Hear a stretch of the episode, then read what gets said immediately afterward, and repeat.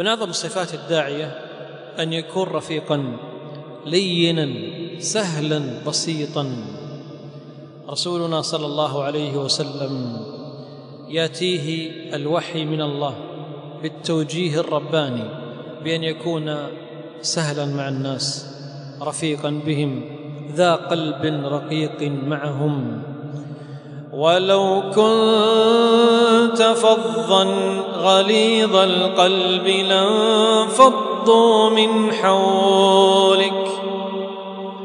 مع أنه رسول الله والذي يأتيه الوحي من الله صباحا ومساء إلا أن ذلك كله لا يكفي لأن يلتف الناس حولك وينتفعوا بك.